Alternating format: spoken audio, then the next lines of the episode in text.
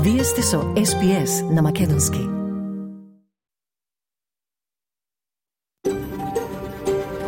SBS, a world of difference. You're with SBS Macedonian on mobile, online, and on radio. Вие сте со SPS на Македонски на мобилен, преку интернет и на радио.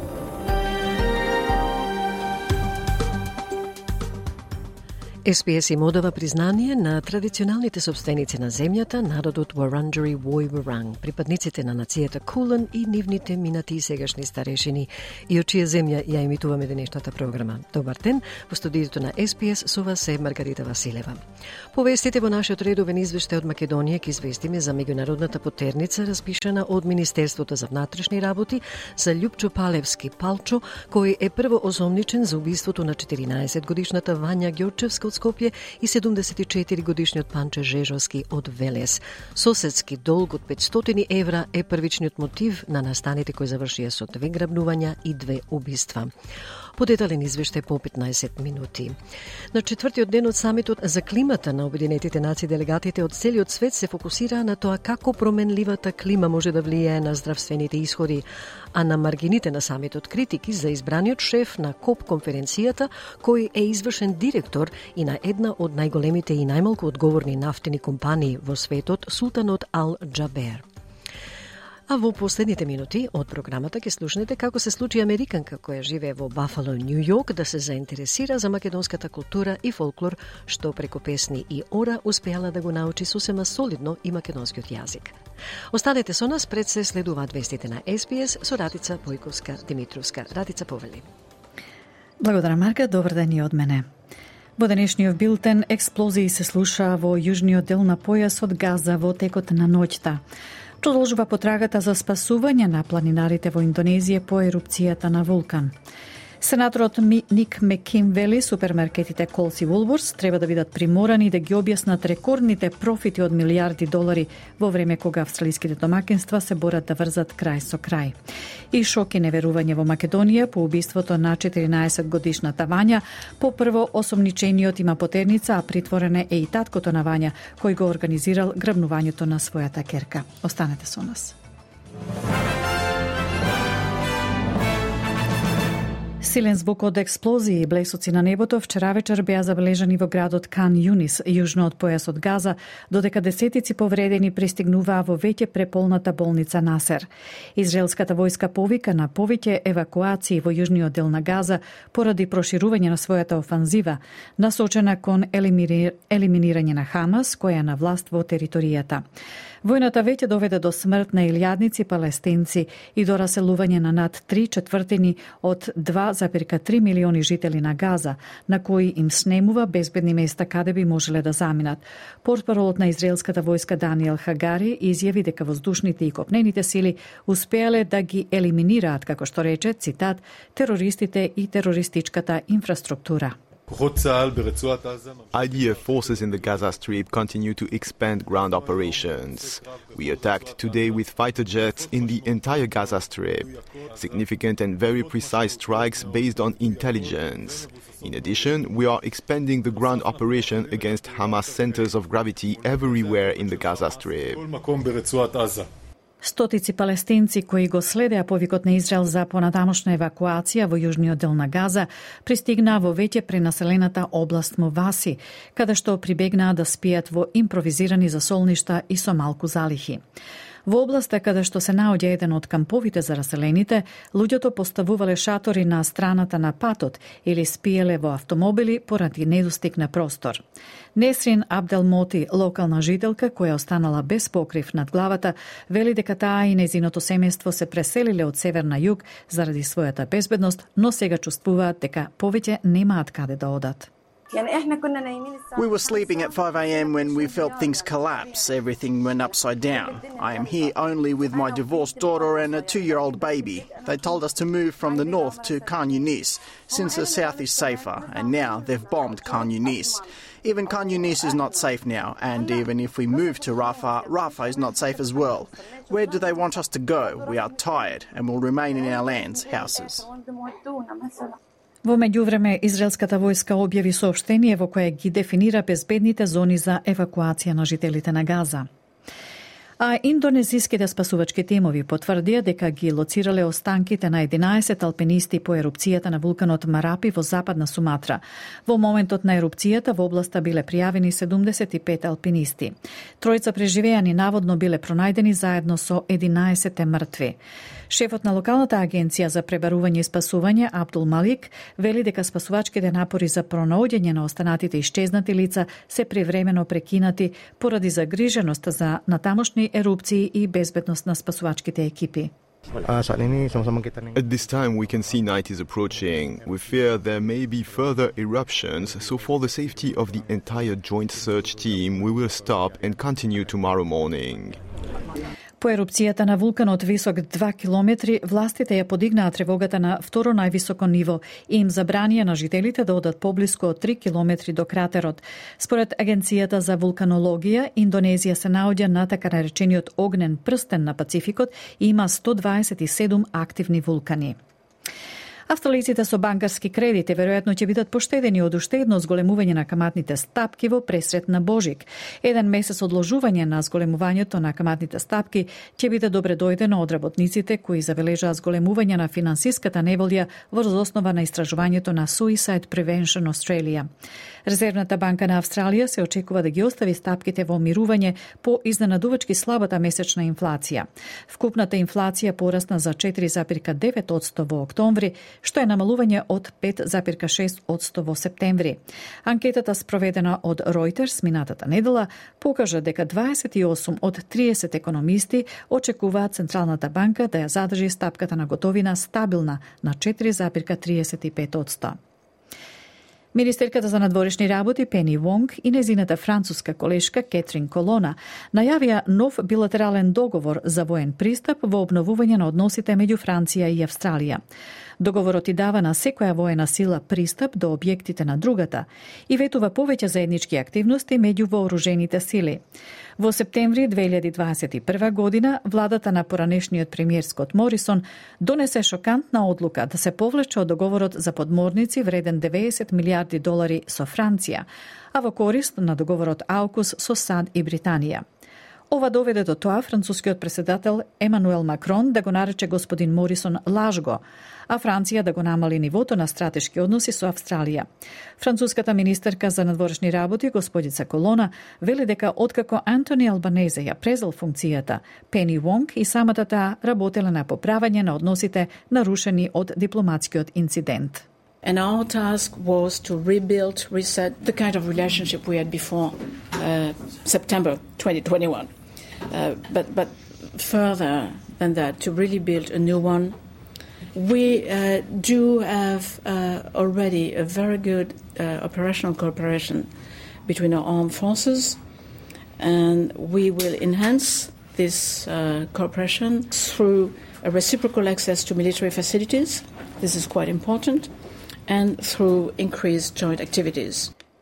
Македонија и натаму е во шок по свирепите убиства на 14 годишната Вања Ѓорчевска од Скопје и на 74 годишниот Панче Жежовски од Велес. Соседски дол од 500 евра е првичниот мотив на настаните кои завршија со две грамнувања и две убиства. Настани кои во прв момент воопшто не беа поврзувани меѓу себе. Но на пресконференција министерот за внатрешни работи Оливер Спасовски и шефот на Скопското обвинителство Гавриел Бубевски обелоденија детали за сторителите кои ги нарекоа монструми, но и за начинот на кој, како што рекоа, се извршени овие грозоморни кривични дела. Од првичните информации има сомнеж дека 14 годишната Вања била киднапирана со знаење и помош на незиниот татко, со цел да се изнудат пари од незината мајка, изјави министерот за внатрешни Спасовски, додавајќи дека таткото на девојчето е задржан во полиција, но него признава обвинението кое го изјавиле тројцата предходно осомничени за овој случај. Лјупчо Палески Палчо е лицето кое се сомничи дека со пиштол ги извршило убиствата и сега е во бегство. Најпрво отишол во Србија, потоа во Бугарија, а можно е да пребегал и во Турција. Министерот за внатрешни работи Спасовски на пресконференција објасни како била киднапирана 14 годишната Вања. Во влезотот од зградата го земаат и е ставено практично со врзани раце и нозе и во една вреќа за спиење и го изнесуваат и го стават во гепек од возилото. Пред возилото Citroen се наоѓа возилото Renault Kangoo, кое што цело време се движи пред нив и е однесено на локација надвор од Скопје, според сведоците, таму извршено убиството, а после тоа е запалено возилото. Спасовски обелодени дека мајката на Вања имала прилив на пари од продаден стан и најверојатно требало да биде уценувана. Министерството за внатрешни работи вчера вечер распиша и меѓународна потерница по Љупчо Палевски за истрага за кривични дела грабнување и убиство по издадена наредба од Основното јавно обвинителство Скопје, објавено е на веб страницата на Министерството за внатрешни работи. Истрагата за пресудите на групата позната како Croatian Six, која стоела зад терористичкиот заговор во 1981 година, треба да ги испита сведочењата и постапките на корумпиран полицаец на Нов Јужен Велс. Судската истрага која започна вчера ќе испита можноста крунскиот сведок Вико Виркес да работел за југословенските разузнавачки служби кога сведочел дека групата била вмешана во заговор за напад со бомба. Ќе се истражуваат действијата на полицијата, вклучително и оние на нечесниот полицаец Роджер Роджерсон, кој помогнал во апсењето на мажите. Роджерсон, кој одслужува доживотна затворска казна за убиство, би можел да биде повикан да одговори на прашањата за неговата вмешаност во случајот. Сенаторот од редовите на зелените Ник Меким вели дека супермаркетите Колс и Вулворс треба да бидат одговорни за остварување рекордни профити во време кога австралиските домакинства се борат да врзат крај со крај. Тоа доаѓа додека двата гиганти од супермаркети се подготвуваат да се соочат со сенатската истрага предводена од зелените, а во врска со зголемувањето на цените за време на кризата со трошоците за живот. И Вулворс и Колс објавија рекорден профит во последните 12 месеци. Вулворс забележа забележа пораст од 4,6% во приходите достигна 1,62 милиарди долари, а Колс забележа пораст од 6,1%, остварувајќи профит од 1,1 милиарда долари. Сенаторот Мекин вели дека супермаркетите треба да бидат принудени да објаснат како можат да го оправдаат остварувањето на профит од милиарди долари, додека милиони австралици страдаат да си ги дозволат најосновните производи. Ultimately, we have a situation in this country where there is this massive concentration of market power in the hands of the big corporate supermarket giants, and it's time that they were pulled down a peg or two, and it's time that they were forced to explain how they can justify making billions of dollars in profits while millions of Australians are struggling to be able to afford the essentials of life.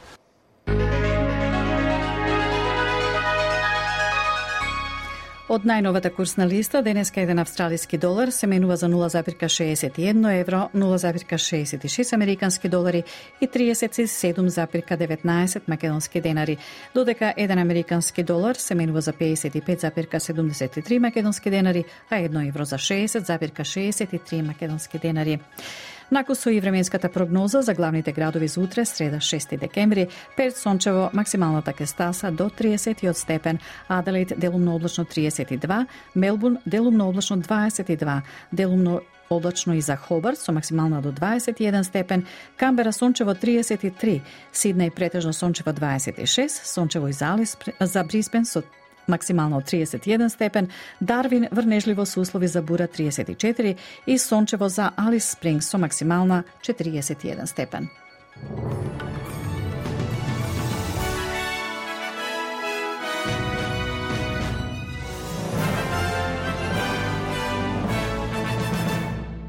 Благодарам, Радица. За да го слушнете повторно денешниот билтен вести на СПС. со Радица Бојковска Димитровска, побарајте го на нашите веб и фейсбук страници подоцна во денот, заедно со комплетната програма. Со вас до крајот на програмата останува Маргарита Василева, а вие сте со СПС Одио на Македонски, каде во останатите 45 минути ќе слушнете вести од Македонија, актуелности од светот и разговор со голем љубител на македонската култура. Слушате не. Ја следите програмата на СПС на Македонски, со вас е Маргарита Василева. Извештајот од Македонија покрива две главни теми. Шок и неверување во Македонија по соопштувањето дека 14 годишната Вања и 74 годишниот Панче се убиени од едно исто лице. Вања е грабната од внатрешниот дел на зградата во која живеела со врзани раце и нозе во вреќа за спиење и ја ставиле во возило Цитроен.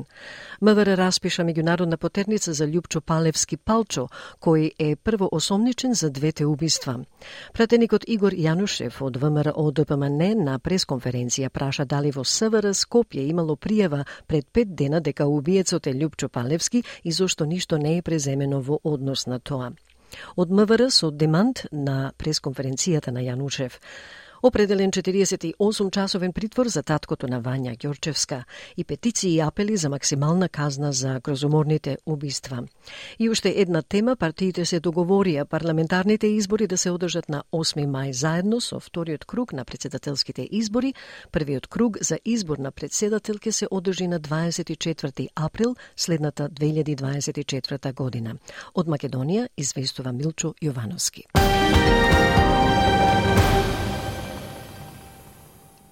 Македонија е во шок по свирепите убиства на 14 годишната Вања Ѓорчевска од Скопје и на 74 годишниот Панче Жежовски од Велес. Соседски долг од 500 евра е првичниот мотив на настаните кои завршија со две грабнувања и две убиства, настани кои во прв момент воопшто не беа поврзувани меѓу себе. Но на пресконференција министерот за внатрешни работи Оливер Спасовски и шепот на Скопското обвинителство Гаврил Бубески обелоденија детали за сторителите кои ги нарекува монструми, но и за начинот на кој, како што рекоа, се извршени овие градоморни кривични дела. Се започнало на 22 ноември, кога во Велес исчезна Панче Жежовски, 74 години, за своите сограѓани, познат фризер. Тој не кревал на телефонските побици од неговата керка, па таа за исчезнат го пријавила во СВР Велес на 24 ноември а информацијата следниот ден ја објавила и на социјалните мрежи, каде што уште пишува дека е исчезна заедно со неговиот автомобил Citroen. Поред министерот Оливер Пасовски, потрагата по овој човек веднаш е започната. Но само неколку денови подоцна, на 27 ноември, на 60 на километри подалеку од Велес, во центарот на Скопје е пријавено второ исчезнување. Утрото во 8.35 часот, мајката на малолетничката Вања Ѓорчевска во полиција пријавила дека нејзината керка излегла во 7.20 од домот во Дебар Мало, но не стигнала на училиште. Некаде околу Планне, на социјалните мрежи го објавува ликот на девојчето и моли за помош. Во 11 часот во полициска станица пријавил и таткото на Вања. Од првичните информации има сомнеш дека 14 годишната Вања била киднапирана со знаење и помош на нејзиниот татко со цел да се изнудат пари од нејзината мајка, изјави министерот за внатрешни пасовски додавајќи дека таткото на девојчето е задржан во полиција, но не го признава обвинението кое го изјавиле тројцата предходно сомничени за овој случај. Главниот организатор е Љупчо Палески Палчо, лице кој се сомничи дека со пиштол ги извршило убиствата и сега е во бегство. Најпрво отишол во Србија, потоа во Бугарија, а може би пребегал и во Турција. Васко Стојков, адвокатот кој го возел Палчо при неговото бегство до Белград, во моментов е во Скопје. Тој за сител тврди дека не знаел ништо за убиствата, а го придружувал до Србија бидејќи Палчо му рекол дека мора да оди на лекар, а немал автомобил. Кога се вратил во Македонија, Тојков ги соопштил сите информации на полицијата. Инаку на другите три лица, Велибор Манев, Владко Кешишев и Боро Видевски, осомничени за киднапирањето и убиството на Вања и Панче, им е одреден 48 часовен притвор. Тројцата, освен за киднапирање, се сомничат и за убиство. Министерот за внатрешни Спасовски на прес објасни како била киднапирана Вања. Во влезот од, од зградата го земаат и е ставено практично со врзани раце и нозе и во една вреќа за спиење и го изнесуваат и го стават во гепек од возилото. Пред возилото Цитроен се наоѓа возилото Рено Канко, кое што цело време се движи пред нив.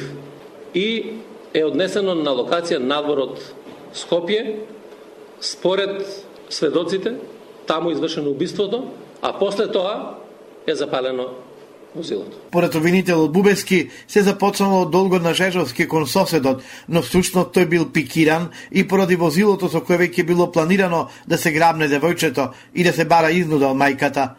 Спасовски обелодени дека мајката на Вања имала прилив на пари од продаден стан и најверојатно требало да биде уценувана.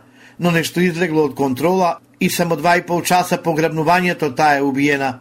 Незиното тело е најдено покрај патот меѓу селата Бразда и Горно Ридари. На пат кон аеродромот Тенковет е пронајдено пожареното возило Цитроен, кое тие го користеле за киднапирање. Поред сведочењето на тројцата осомничени, паниката настанала поради тоа што случајот со ограбнувањето на Вања за многу брзо време предизвикал огромно внимание во јавноста. Токму го натерало убиецот да стрела во Вања на 15 на километри од домот во дупка нелегален ископ на злато е пронајдено и безживотното тело на Жежовски.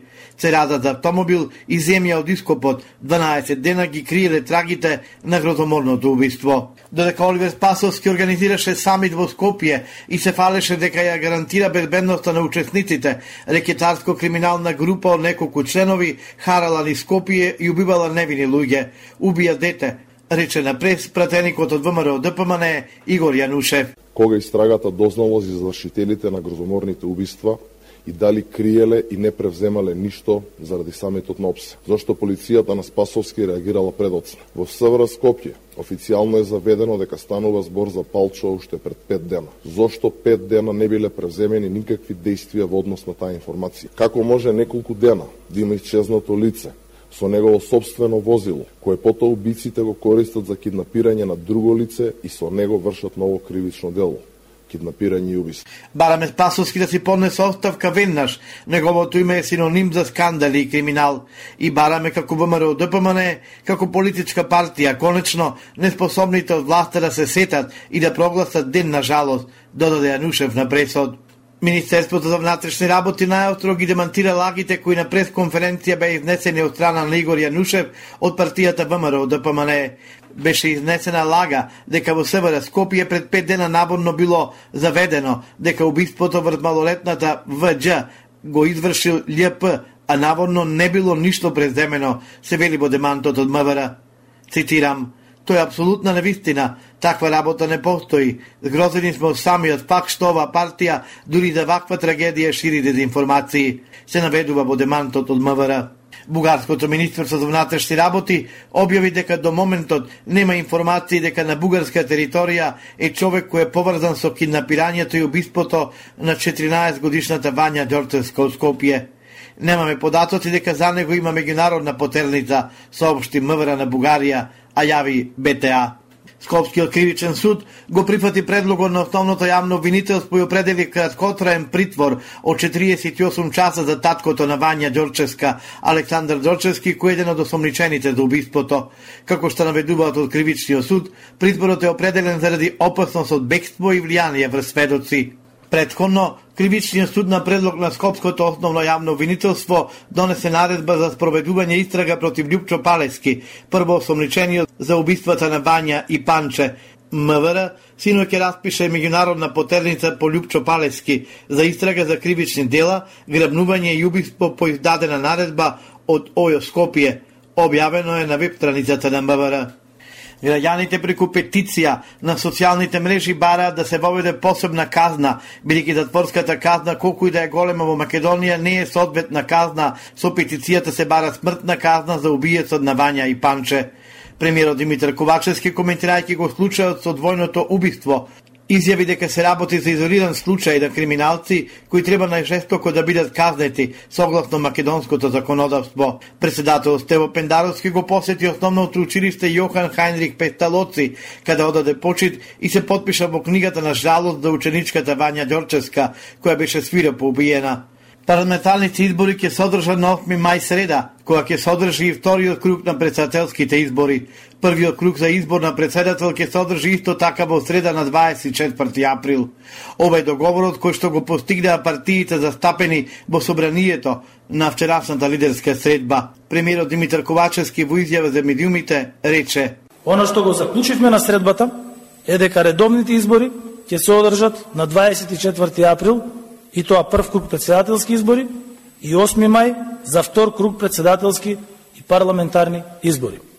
Согласно законот, техничката влада, односно пржинската влада, ќе има од 28 јануари со напомена дека уставните измени ќе останат да бидат обврска и за овој парламентарен состав и за секој нареден и секоја теза дека има некоја друга алтернатива за нашето членство во Европската Унија е погрешна. Во однос на уставните измени, лидерот на ВМРО ДПМН е Христијан Мицковски по средбата изјави дека ставот на ВМРО ДПМН и на коалицијата е дека сега нема услови за тоа од познати причини.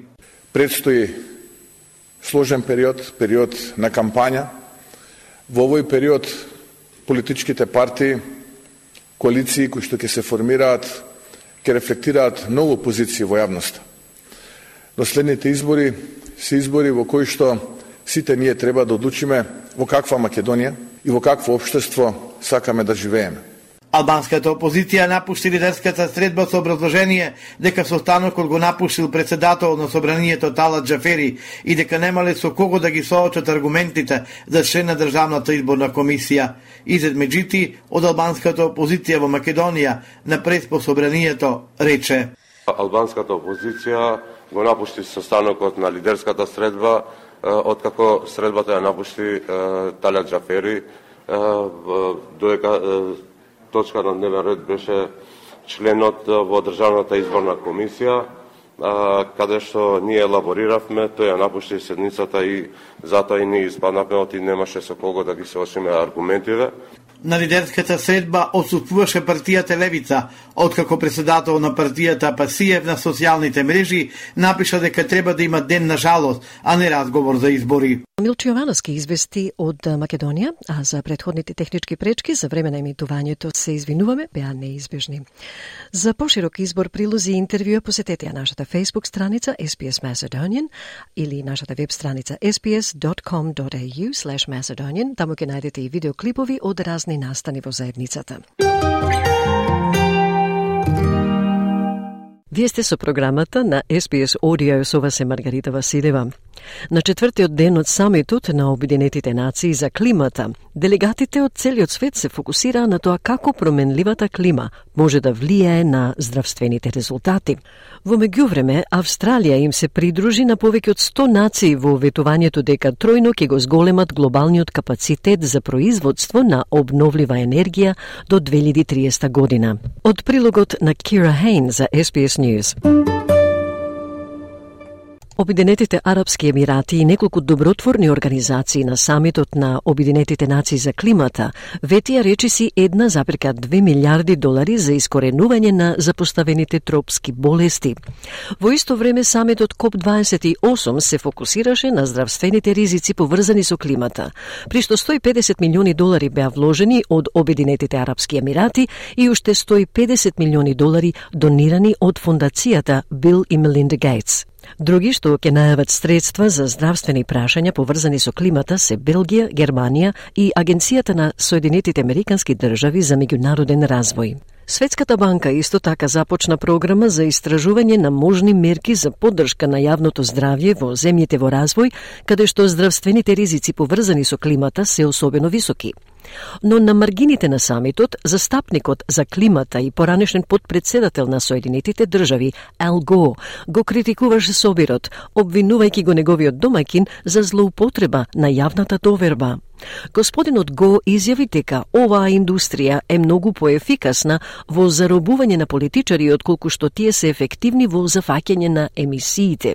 Тој додаде дека тие на КОП го надминаа степенот на злоупотреба на довербата на јавноста со именување на извршниот директор на една од најголемите и најмалку одговорни нафтени компании во светот како шеф на КОП 28. Ал Го рече дека тоа е злоупотреба на правото на јавноста да има доверба во процесите со кои се донесуваат одлуките за еднината на човештвото. This industry is way more effective at capturing politicians than they are at capturing emissions. And they have captured uh, the COP process itself now and overreached, uh, abusing the public's trust by naming the CEO uh, of one of the largest and least responsible oil companies in the world uh, as head of the COP.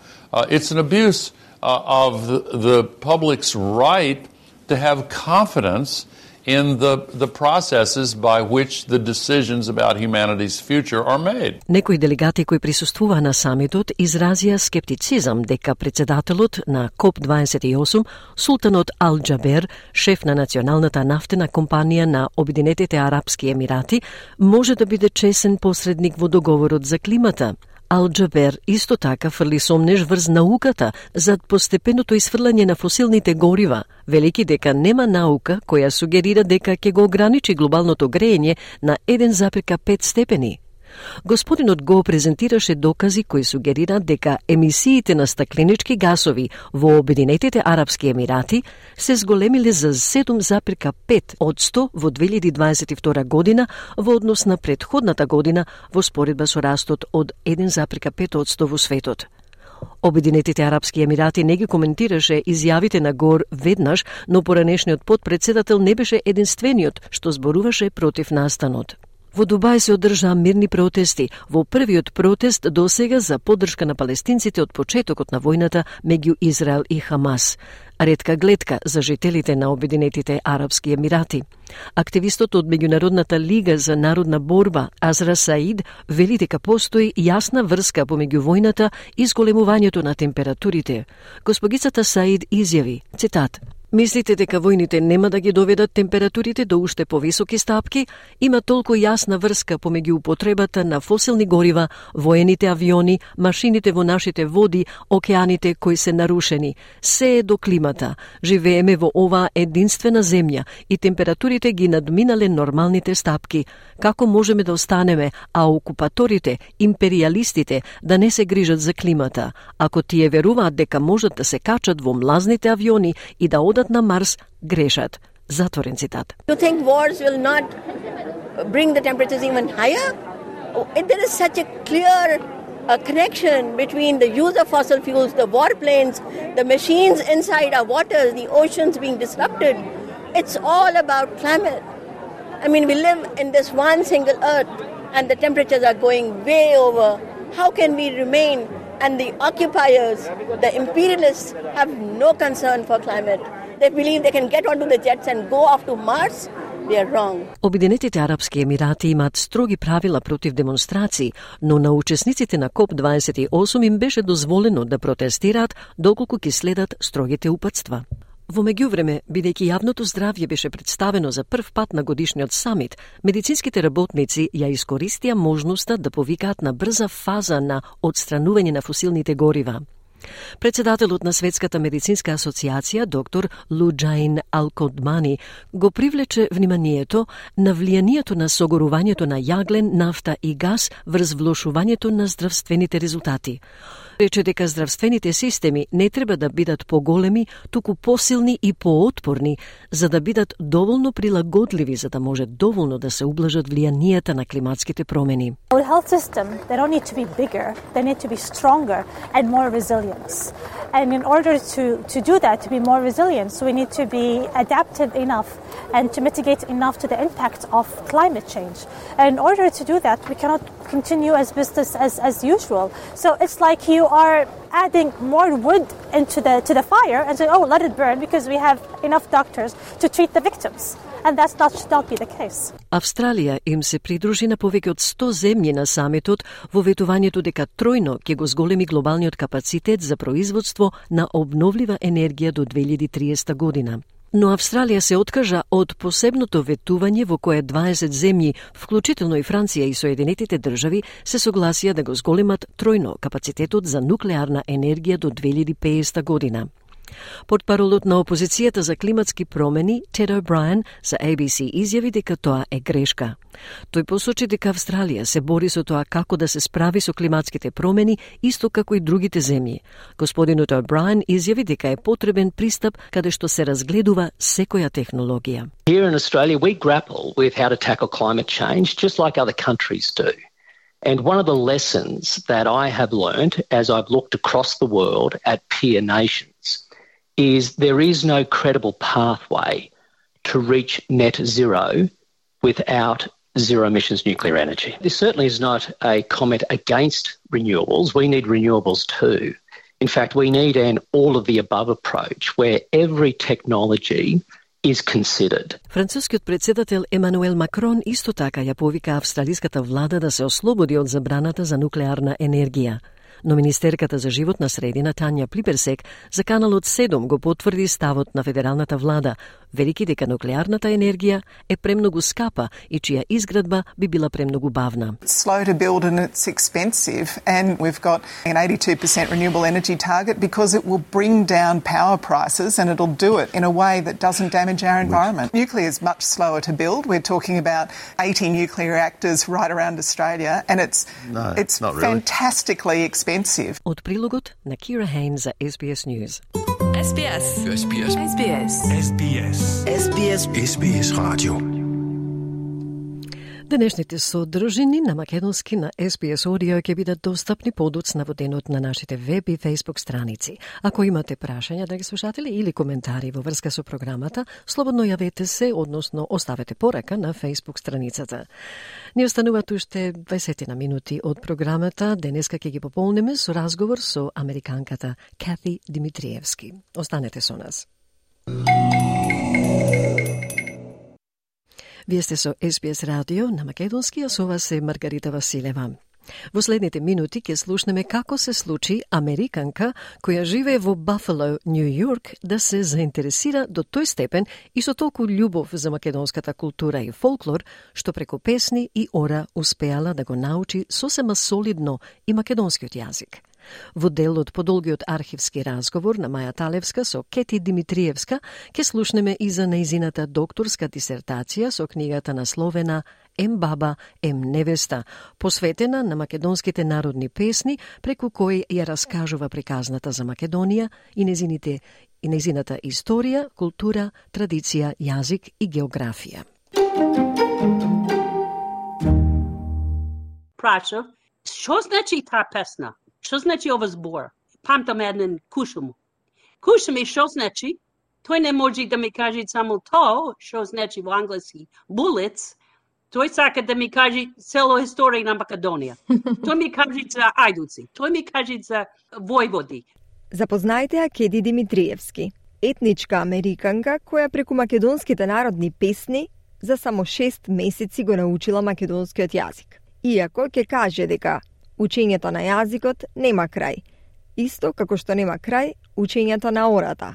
Зајди, зајди, јасно сонце, зајди помрачи се. Е, Песните за од прво мене ма уче, а после дисертација што направив, јас сакам да кажам светот дека може сите да учат од песните.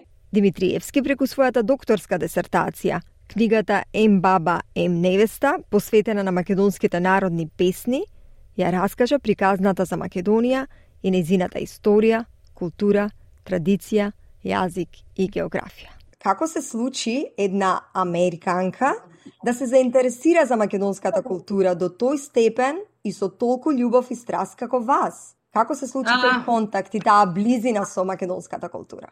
Јас бев многу млада, 17 година, девојка, во Америка. Никој не знам од а, Македонија, ама се интересира пред 3-4 години, кога бев 13 години, во ората на, на, Ср, на Србите. А кај што живеев имаше еден клуб за летување. Па имаше еден шума преку мојата куќа и местото кај што играт, оро. И јас преку шумата, кога слушам музиката, ќе ода поблизу и така слушав и, и гледав дека ова оро што пред Србите е многу интересно, многу ми се свиѓа и почнав да да го сакам. Кога бев 17 години со татко ми и со фамилија, ние е, си преместивме во градот, кај што бев родена. А по по 10 за 10 години ние живеевме по, подалеку од град. И се вративме до градот и таму јас се сретнив со мажот ми. Прво имаше тој еден а, вујко и тој по право ни, ни, ни познаваше. И тој беше како еден година, една година дојде од Стари крај и до Америка дојде со фамилијата негов и така го видов на работа, кај што работа веднаш, и се сретнивме и се сакавме, и помалце се мешав јас со народот. Прво јас, да ти кажем, по футбол, тој, тој играше футбол. И ке одов на, на утакмици, и после тоа и на игранка. А јас многу сакам оро да игра. Кај што бев од 13 години и уште памтам, и се некога го познав со мажу ми, и така почнав да учам оро, различни оро македонски. Многу пати одавме на игранка и на футбол. И таму слушав зборот и се интересирав да, да, да сакам да учам. Што значи овие збора? Како да зборвам и со фамилијата на мажот ми? Дека мајка му не зборвеше и татко му не зборвеше англиски. И како кога вечераме заедно, како ќе разбирам што зборви. И така пробав да научам од прво од речник, некој ми даде речник и со прашање. Некој пат во колата ки свиреше на радио и на касети со народни песни. И по некој пат ки ми објасна се што значи овие песни, и јас ке слушам, јас реков, а, и, и ова што значи, и ова што значи. И едно друго пример ке ти кажам, некој а, маж што што мажо ми го знат од, од луѓето, од народот, дојде да ни поправат визба да работат. Ке, тој ке работеше јас горе, работав дома и некој пак му носеше, ке му носев кафе да пијат. И тој свирше песни на радио, на касети. Тој пеше и пуште музика. Јас дојдов со кафе и ке му прашав, што значи таа песна? Што значи ова збор? И, и памтам еден кушум. Кушум и што значи? Тој не може да ми каже само то, што значи во англиски bullets, Тој сака да ми каже цело историја на Македонија. Тој ми каже за ајдуци. Тој ми каже за војводи. Тој се ми каза визба, само еден кафе што ќе му носив. И други ден други кафе, други ден други кафе, и се ќе ми кажеше за песните, за што има по теката um, историја. Значи, вие сте етничка американка, која што, како што разбирам, го сретнавте вашиот сопруг, кој што е македонец. Така. Така, okay. и од кој дел на Македонија потекнува вашиот сопруг? Дали е и тој роден во Америка или е роден во Македонија? Во Македонија тој дојде како имигрант во, во Америка. Така. така. Тој е од, од Сарадор, селото Сарадор, околу Ресен. Одлично. Yeah. Дали сте биле во Македонија вие? Четири пати. Браво, одлично. И какви би беа впечатоците воопшто за македонската култура. Ете, многу убаво објаснавте како беа вашите први контакти со македонската народна музика. Меѓутоа, кои ви беа првите впечатоци? Дали ви беше тоа чудно, необично, убаво? Како, како ги доживувавте? Мислиш за културата или за да, песните? па и песните и културата генерално. Кои ви да. беа првите впечатоци? Е, песните за од прво мене ма уче, а после дисертација што направив, јас сакам да кажам светот дека може сите да учат од песните. А, и најпрво дека јас сум учителка и бев директор. Јас а, работам со образование и јас сакам да кажам дека не само од македонските песни, од кој било песно, песната може да учат многу. Па за културата, нешто ми беше многу мило. Нешто ми беше многу чудно. Така. Како да ти кажам, нешто е многу различно, нешто е нешто исто. А од секој, секој пат сите го сакат Македонија за јадењето. Така. Да ти кажам и деца на мој, и кој било од моите страна, од моите фамилија, не македонците, тие ако ги примаш на гости нешто, или на, на муабад ако преш, тие ке, ке си 100% ке речи Македонија имат најдобро јадење. so, и тоа е многу мило. Така. И јас се научив, и јас се научив нешто направам, јас прем граф, јас прем манџа, јас нешто ке направам. Не сум петка, да ти речем, за, за готвење, а мајџо ми е гот, готвина работа. Така тој секој пат беше готвар. Така, готвач, да. И, Професионално. Тој да. многу добро, многу добро готви а јас не можам до него да, да, да речем ништо. Не сум така. Ама, ама за, за а, вакви работи, манджи, а, да направам пиперки полнати, се такви работи можам да и јас да направам и така е убо.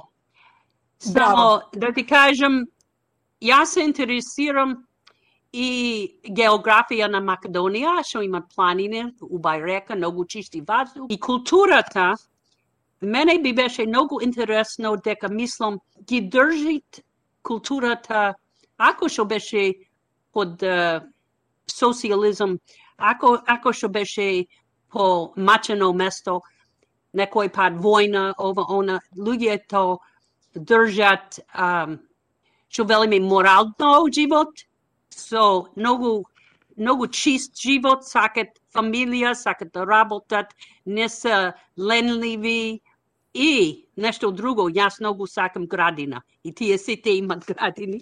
Точно и така. Со тоа се сложил, ја се сложил. А, најпојќе со орото. Јас сакам, дури денеска, не само Македонија, јас учам, учам, да ти кажам, секој пат учам оро, и играм оро, ама немат крај на учење никој пат. Кој ни на јазик, ни на орок. Така е. Кој ви е омилено македонско оро? Да, кое сакате да го играте најмногу? Кога имам сила, пајтушкото. Така. кога имам сила. Кога имам сила, пајдушкото. Ама, ама јас сакам бувчанско многу. Имам учено бувчанско, а, може пред пет години. Не, не цел живот, да го знам. А дали Не. се како ги Ама- научивте ората? Дали се вклучивте во некој клуб? Вие живеете во Бафало во Нью Йорк, државата Нью Йорк, така? Така. А, дали Да, како да. ги научивте ората? Дали се вклучивте кон некој македонски клуб таму локален? Океј, јас ќе ти кажам како. Поќе учев македонски оро од американските на- народ, од колку од македонските.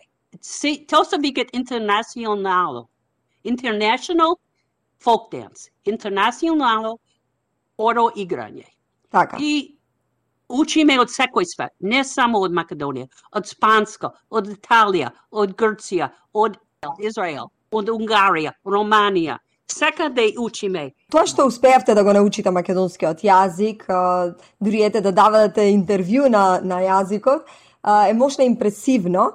Би сакала да ве прашам колку време ви требаше и дали беше тешко да се научи македонскиот јазик? За некој што нема воопшто поврзано со тој јазик, во смисла не е од македонско потекло. Немам никаква а, балканска крв, да речиш, немам. Така, но.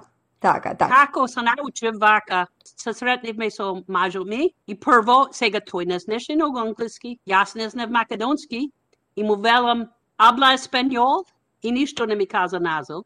И му велам спрекен си дојч и ништо не ми каза назад. И седни му реков Parlez-vous français? И по- тој вели oui. И така. И по француски прво. Како знам француски? Како зна тој? Од средна школа. Значи јазикот на љубовта го почнавте прво.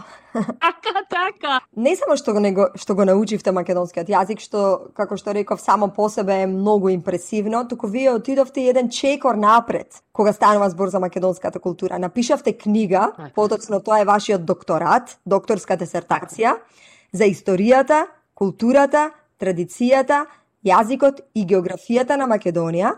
Книгата се вика Ем баба, ем невеста. Она што оваа книга ја прави многу особена и уникатна е дека таа ја раскажува приказната за Македонија, низ народните песни од антика до денес, до модерните времиња. Да почнеме со тоа од каде инспирација и мотивација за ваков труд. Односно, зошто толкому ги избравте македонските песни? Јас кога учев а, за докторат во факултет Универзитет на Бафало. Јас сретнав една друга професорка, а, но тај поправо ми прашат, шо пешен имаш? А, страст, да. Шо, стар- шо пе- стар- имаш за доктора, за дисертација да пишеш? Јас ја реков, ако сакаш од срце и од душа да ти кажам, најпојќе сакам овие песни македонски Американката Кети Димитриевска од Бафало, Нью Йорк, објаснува како се запозна со македонскиот јазик и култура и како напиша докторска дисертација. И за крај, драги слушатели, да се подсетиме на главните вести на SBS.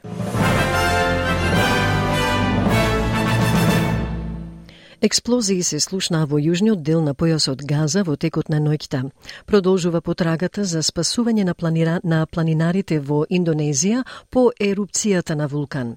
Сенаторот Ник Мким вели супермаркетите Coles и Woolworths треба да бидат приморани да ги објаснат рекордните профити од милиарди долари во време кога австралиските домакинства се борат да врзат крај со крај и шок и неверување во Македонија по убиството на 14 годишната Вања. По прво осомночениот Лјупчо Палевски има потерница, а притворен е и таткото на Вања, кој го организирал грабнувањето на својата керка.